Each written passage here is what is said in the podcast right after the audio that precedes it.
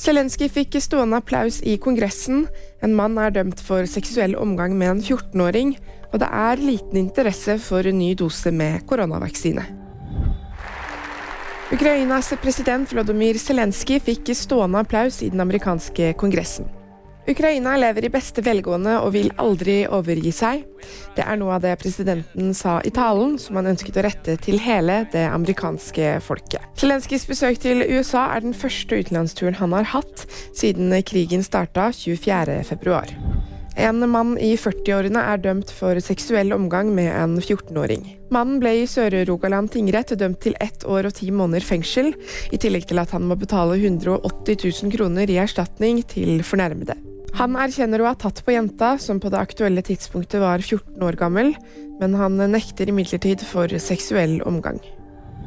Det er lite interesse blant unge for en fjerde dose med koronavaksine. I én måned har alle voksne kunnet ta fjerde dose med koronavaksine, men knapt noen under 65 år har tatt den. Folkehelseinstituttet har måttet kaste 1,7 millioner koronavaksiner i år. VG-nyheter fikk du av meg, Ingrid Alice Mortensen.